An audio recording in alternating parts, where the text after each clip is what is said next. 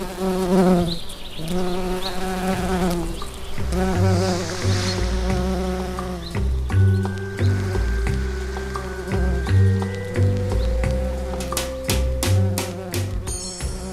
sitter den här heta sommardagen i skuggan på terrassen. Jag beundrar mina stolta stockrosor som når upp till två meters höjd i år.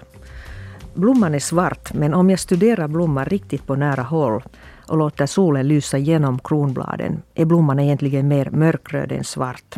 En skön illusion. Jag brukar skämta att två saker blir viktigare med åren. Mångåriga växter och träd för de finns kvar också efter att vi lämnat stället, orten eller livet. Jag har redan ett träartigt hibiskus som är lika gammal som jag, minst. Den andra viktiga saken med åren är vårt personliga arkiv. Det som vi vill att ska påminna oss själva och de andra om vad vi sysslat med i livet. Av de här två viktiga saker har jag brytt mig klart mindre om arkivet. Om jag nu någon gång skulle få för mig att trots allt ta itu med en självbiografi skulle arbetsrubriken vara i stil med Mitt liv som jag minns det. Ens liv är i alla fall en kombination av sanning, halvsanning och lögn och glömska. Jag heter Heidi Hautala och jag är din sommarpratare idag.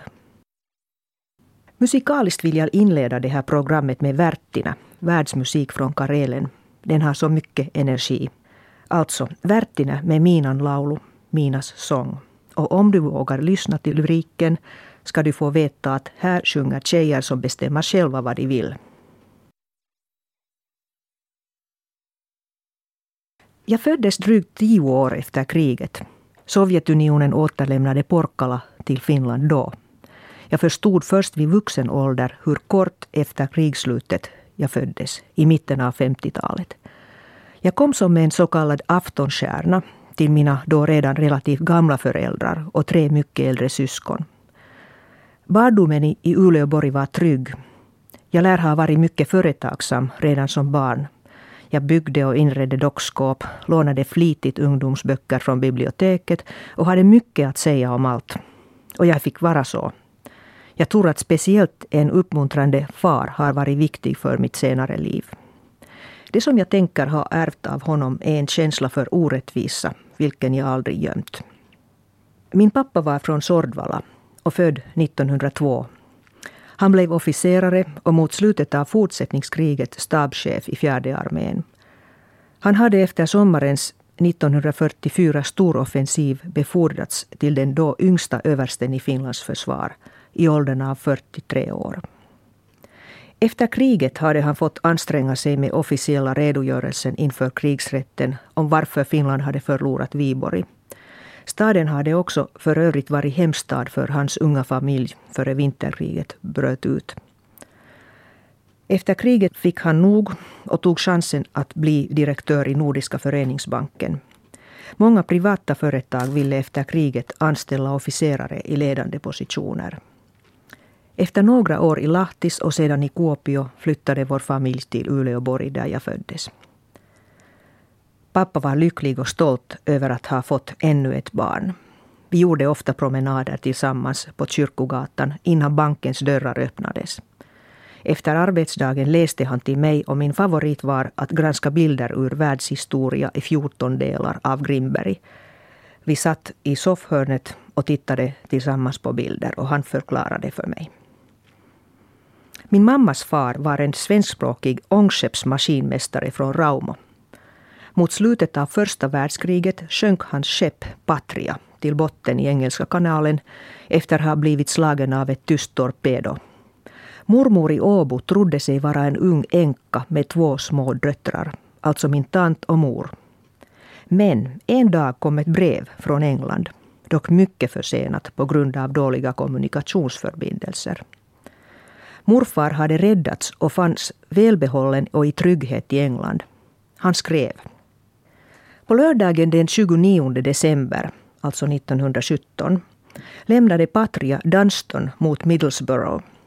Jag var ledig från tjänsten och sov, men vaknade före klockan tre och satte skorna på. Jag gick ut på däcket och pratade med en rot.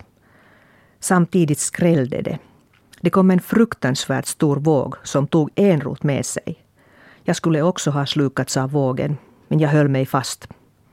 Jag var den sista på skeppet och jag hann inte komma till räddningsbåten så jag fick följa med Patria till botten. Tillbaka på ytan klev jag på flotten och då märkte jag att det högra benet var brutet. Det såg ju hemskt ut, men nog blir det bra igen, tänkte jag. Jag har nu varit här i sjukhuset i 16 dagar och det kommer att ta ännu ungefär fem veckor. Sen kommer jag hem. Jag vet inte hur det är med lönen. Jag tror att jag får fullt betalt och fri resa hem. Först trodde vi att Enrot skulle ha drunknat, men han hade simmat till en fiskebåt. Fyra av besättningen dog och det skulle nog också varit mitt öde om jag hade stannat i hytten. Torpedot slog in i mitten av båten och dessutom på den sidan där våra hyttar var. Jag hade många gånger tänkt hur det skulle vara om ett torpedo skulle råka slå in, men nog var det så hemskt att ingen kan tro det som inte upplevt det själv. Nu måste jag sluta. Jag orkar inte sitta längre. Farväl min kära älskling Elli och mina småkärna barn. Alla mina mor och farföräldrar dog innan jag föddes, vilket känns som en stor förlust. Min mamma hade bestämt sig i början av 50-talet att skaffa sig ett eget yrke. Hon ville inte vara enbart husmor och hemmafru. Hon anade vilka osäkra tiden skulle kunna vänta familjen och hela nationen. Alltså, efterkrigstiden var ändå i minnen. Så hon gick i hemslöjdsskola i Kuopio och därefter blev det en hel del handarbetande hemma hos oss. Mamma sydde, broderade, vävde mattor och tyg och gjorde rottingarbeten. Jag sydde dockkläder som sexåring och utvecklade ett öga för estetiska miljöer. När pappa pensionerades flyttade vi till Helsingfors, närmare släkten. Från mammas sida är släkten ursprungligen hemma från Åbo och pappas familj är hemma från Karelska näset. Det var en chock för en tolvåring att växa upp som tonåring i en storstad med så många fler och nya impulser och kamrater än i Uleåborg. Något nytt och okontrollerat höll på att hända i ungdomsvärlden. 1968, revolt, uppror. Traditionen var ingenting värt längre, allt kunde ifrågasättas. Men tidsandan påverkade mig inte nämnvärt ännu. Jag gillade ganska barnsligt Tapani Kansa. En av mina närmaste klasskamrater beundrade Danny och den andra Kirka. Och vi läste allt om våra idoler i Suosikki. Senare började Tapani Kansa ta pianolektioner av min pianolärarinna. Men i det skedet var tonårsflickans förtjusning nog över. Jag började så småningom bli medveten om världen. Musiken var en bidragande orsak till mitt uppvaknande tror jag. Inte minst i och med agitprop. Jag imponeras fortfarande av det starka kravet av rättvisa och hänsynslöst självförtroende. Det har så rätt. Här sjunger Kajsa Korhonen om krigets sorg och förlust. Tyvärr fortfarande så sant. Mitt intresse för vänsterideologin bakom slagkraftiga sånger såsom Mäseison torilla här med Kajsa Korhonen som vi hörde nyss blev mycket kortvarigt. Istället blev jag teosof, panteist, buddhist och vegetarist. Jag började öva österländsk meditation och yoga och kände mig främmande inför resten av världen. Jag hade fått en ny vän i skolan och med henne började vi på allvar leta efter livets mening. Precis som man gör när man är blott 16 år gammal. Vi hittade livets mening inifrån. Men samtidigt slog det oss att man ska leva ut sin livsåskådning. Inte bara anse, tycka, tro, utan idka sina värden och värderingar i vardagen. Därmed var det goodbye för teosofernas söndagsmöten där det bara förelästes självbelåtet om astralkroppar och annat utan att det tycktes betyda något för hur man lever i världen. Tillsammans med min väninna Tuija blev vi rebelliska mot konventioner som omringade oss. Tuija levde hos sin tant som snart skyllde mig för att ha ett dåligt inflytande på hennes brors dotter. Denna ville nämligen inte gå till skolan i flera dagar utan hon valde istället att skolka och studerade Krishnamurtis böcker om hur man ska leva ärligt utan att bedra sig själv med illusioner. Krishnamurtis böcker har varit en viktig vägvisare för mig under de avgörande ungdomsåren. Bland annat avklädde hans tankar min världsåskådning om överflödig dekoration. Att se, eller åtminstone försöka se verkligheten som den är. Jag tror också att min osmak mot ideologier härstammar från Krishnamurti. Ideologi betyder för mig att vägra att tänka själv. Jag valde att lämna bakom mig det yogasamfundet som predikade att det var bara deras guru som kunde föra en till den yttersta befrielsen från det världsliga. Den synen stödde inte min världsuppfattning. Min väninna Tuija påverkade min musiksmak och inspirerade mig musikaliskt. Tuija var själv musikaliskt mycket högt begåvad. Och mycket senare blev hon mamman till Maria Ylipää. Tuija var en strålande och attraktiv person. Jag som var mindre impulsiv gömde mig ofta bakom hennes rygg. Jag spelar nu en sång för de båda underbara kvinnorna, mor och dotter, av Carole King som var en av Tuijas favoriter. I dagens värld ser man hur våld ofta klär sig i ideologins kåpa. Det islamistiska kalifatet har ingenting med religion att göra, utan det är ren våld och herravälde. En stor besvikelse för mig har varit att se att också buddhismen utnyttjats på ett sådant sätt som nu i Burma, Myanmar, där buddhistiska ledare hetsar till våld mot muslimer. Likaså berättigar ortodoxa judar sina repressalier mot palestinenser med Bibeln. Det är självklart att den här världen är patriarkatets herravälde. Där är det förbjudet för kvinnor att förverkliga sin potential. Arbetet för flickornas och kvinnornas rättigheter blev centralt för mig då jag fick vara utvecklingsminister i Finland. Varje flicka ska kunna besparas från barnäktenskap och ha rätt att bestämma om sin egen kropp. Och nu vill jag spela en sång med kvinnokraft från Afrika, Côte d'Ivoire. Själv har denna Dobet Gnahore flytt till Europa från inbördeskriget till hemlandet.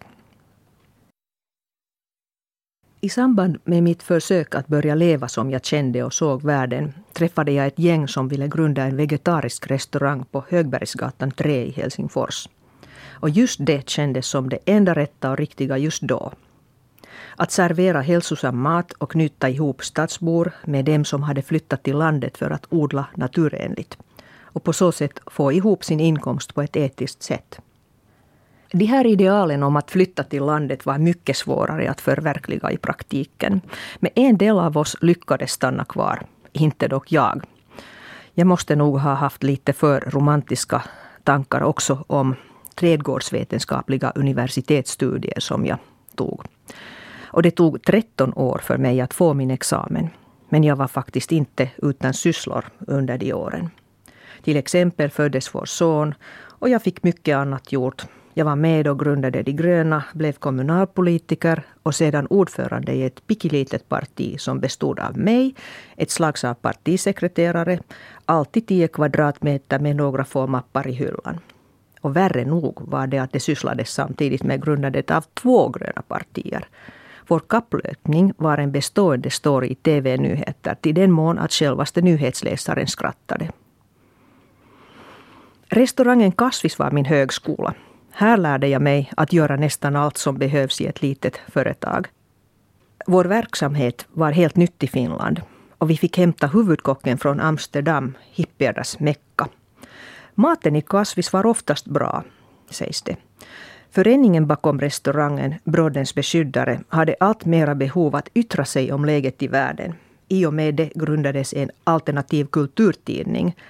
Tidskriften Aura skrev om allt från orientalismen, modern konst och amerikanska hippiekommuner till naturenlig födsel, hungern i världen och kärnkraften. Mina egna intressen riktade sig alltmer mot det praktiska som snart blev det politiska. Det började för mig i antikärnkraftsrörelsen. Vi var några så kallade kvinnor mot kärnkraften som ockuperade Olkiluoto kärnkraftverket klädda som städerskor. Vi utnyttjade rättegången för att förkunna alla möjliga argument mot kärnkraften. Och eftersom det var samma år, 1986, som Tjernobylkatastrofen hade inträffat var domen befriande. Samma höst rodde jag i nattens mörker med tre andra kvinnor till Hästholmen vid Lovisa för att bevisa hur lätt det är att tränga sig in på kärnkraftsområdet. På morgonen anlände Imatran Voimas verkställande direktör och sade att det var närmast fåglarna på ön som störts den natten av oss. Nåja. Jag har inte blivit mindre kritisk mot kärnkraften. Nu vill Finland låta det ryska kärnkraftföretaget Rosatom äga och bygga ett kärnkraftverk i Pyhäjokis Hanhikivi, som förresten är gränsen av 1323 mellan Sverige och Novgorod, senare Ryssland. Jag kan inte begripa att detta sker samtidigt som EU vill befria sig från sitt ryska energiberoende. Som om inte detta var nog skulle det här betyda att Finland därmed också blir en medhjälpare till Rysslands kärnvapenproduktion.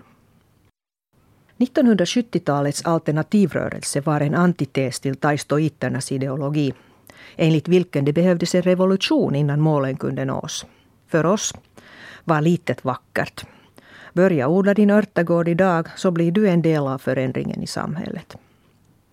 Sommaren och hösten 1978 har starka färger i mina minnen. Det så kallade alternativrörelsen hade bjudits till taistoiternas stormöte i Jyväskylä Dit for ett litet gäng med Kasvis gröna Volkswagen Gleinbus. Evenemangets rubrik var Murit rikki, söndra muren. Och så blev det. En sovjetisk minister redogjorde för Sovjetekonomins prestationer för det året. Men jag tror att vi lyckades bryta taistoiternas moraliska övertag med små men effektiva intellektuella slag. Och på hemresan grundades Pekka Haavistos tidskrift Komposti.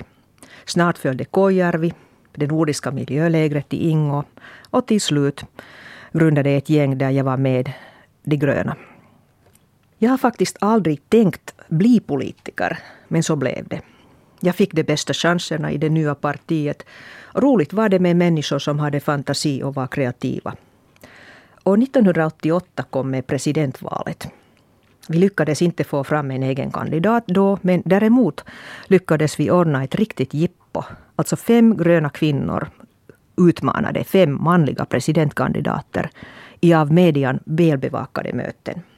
Det bästa var nog då Satu Hassi frågade president Mauno Koivisto om han någonsin hade stannat hemma med ett sjukt barn. Det irriterade honom. Men frun Tellervo låg vänligt bakom honom.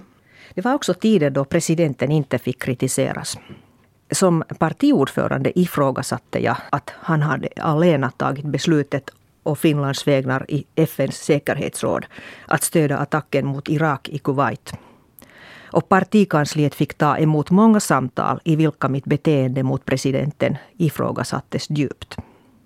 Så är det inte längre i Finland. Och den gröna utrikespolitiken riktade från första början sig mot landets offentliga Paasikivi Kekkonens linje. Man knöt förbindelser med Sovjetunionens och de socialistiska ländernas gröna och fredsaktivister. Det så kallade köksbordsdiplomati var populär då, mot slutet av 1980-talet. Vi bjöd oliktänkande till Finland och vår Östersjökonferens i Kotka 1989 avslöjade för publiken allvarliga miljöproblem och miljöbrott som man inte velat höra om och godkänna tidigare i Finland. Och så kollapsade Sovjet. Mitt intresse för Ryssland fortsatte. Men liksom de flesta trodde jag till ungefär 1996 att landet gradvis skulle utvecklas till en demokrati. Men sen började det hända igen. Miljöaktivister och forskare fördömdes för landsförräderi. Jag reste upp mot de två krigen i Tjetjenien. Det andra kriget 1999 var början av Putins välde. Jag fick bekanta mig med krigsjournalisten Anna Politkovskaja som hade en liten krets vänner och supporters även här i Finland. Bland annat bjöd jag henne till Europaparlamentet. Kvällen då nyheterna visade hur hennes lik bars från hennes våningshus i Moskva till ambulansen var tung. En vändpunkt.